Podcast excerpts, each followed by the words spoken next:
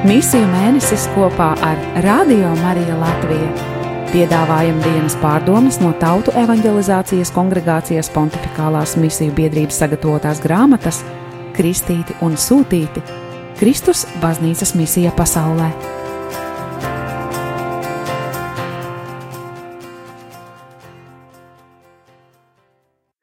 8. oktobris 2019. gads. Otrdiena parastā liturģiskā laika 27. nedēļā. Celies, ej uz lielo pilsētu Ninīvi un sludini tai, ko es tev teikšu. Jonas grāmatas trešā nodaļa, otrais pants. Pēc dažām novirzēm Jonam tomēr nākas pildīt neatlaidīgo dieva aicinājumu. Kungs par viņu nav aizmirsis un atjauno viņa misionāra aicinājumu.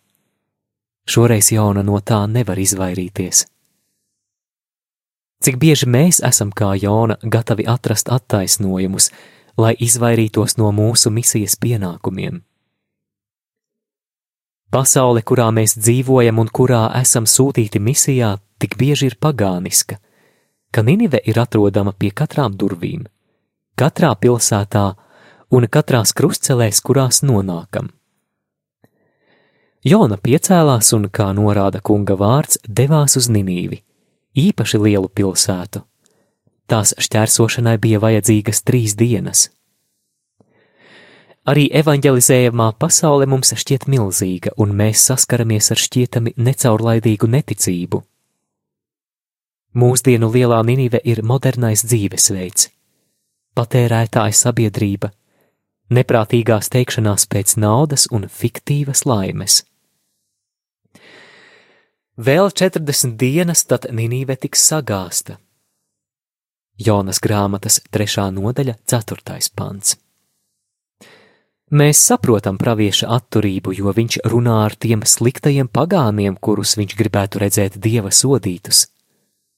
Bet dievs ir dievs, pilns žēlsirdības pret saviem bērniem, un Kaut arī pravietis neusticējās iespējai, ka viņi varētu atgriezties, Ninīvieši radikāli pievērsās dievam.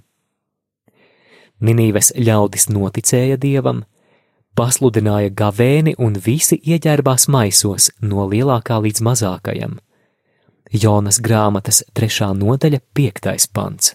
Praviešu sludināšana daudzu gadsimtu garumā nebija pietiekama, lai atgrieztu Izrēla tautu taču šeit pietika ar vienas dienas sludināšanu, lai mainītu nocietināto ninīviešu sirdis. Tas ir Dieva brīnums. Viņš vienmēr mūs pārsteidz mūsu pastorālajās gaidās. Pats Jēzus uz to atsaucas evaņģēlijā. Ninīvieši celsies tiesas dienā pret šo paudzi un to notiesās. Jo, kad Jāna sludināja, tie atgriezās no grēkiem, un redzi šeit ir vairāk nekā Jāna. Mateja 12. nodaļa, 41. pants. Un Dievs viņiem parādīja žēlsirdību. Vienkāršos vārdos tas nozīmē, ka Dievs nevēlas grēcinieka nāvi, bet gan atgriešanos. Pat ja šķiet, ka Dievs draud ar sodu, tā ir mīlestība un tikai mīlestība, kas glābi ticībā. Pasaulē to šodien atkal jādzird pasludinātu. Jona tiek sūtīts ieiet Ninīves pilsētā, lai sastaptu ninīviešus gan ar savu pravietisko klātbūtni, gan sludinot viņiem atgriešanos. Tēvs sūtīja Jēzu ieiet pilsētas sirdī, Martas un Marijas mājās.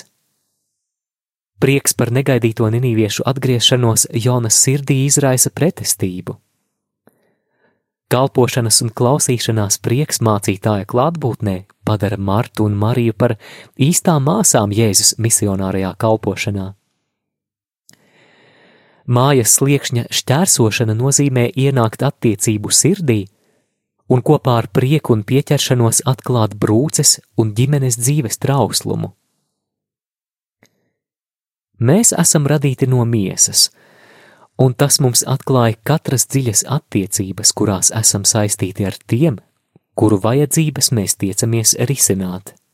Jēzum, kurš ir gan cilvēks, gan mūsu vēstures kungs, piemīt īpašības, kuras ir ārkārtīgi tuvas mūsu sirdī. pietiekami tuvas, lai ienāktu mūsu mājās.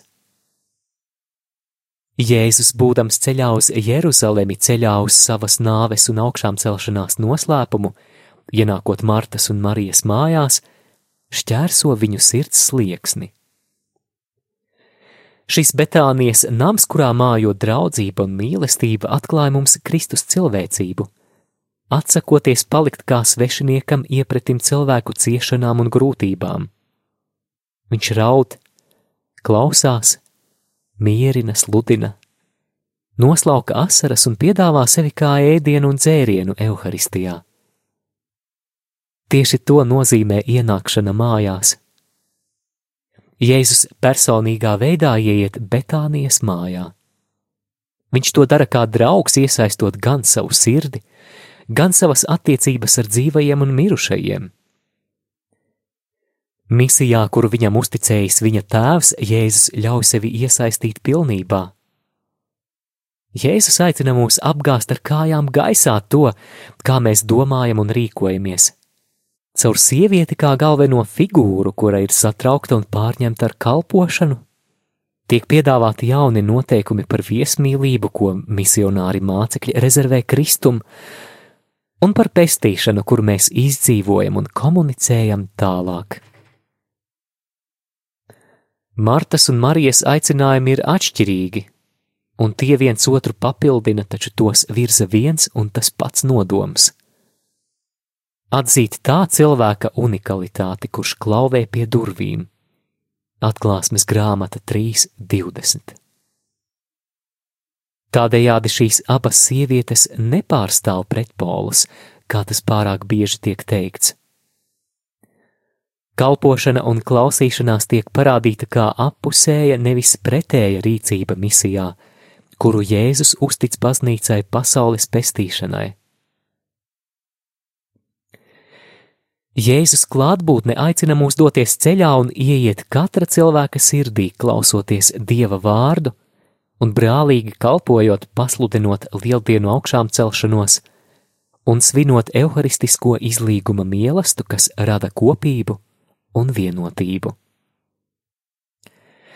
Tas viss notiek Betānijas namā, kur Jēzus drauga Lācara nāve ir kā iespēja mums šķīstīties un stiprināt mūsu pašu ieklausīšanos, mūsu pašu kalpošanu, mūsu pašu ticību Jēzus, mūsu drauga un kunga nāvei un augšām celšanās brīnumam.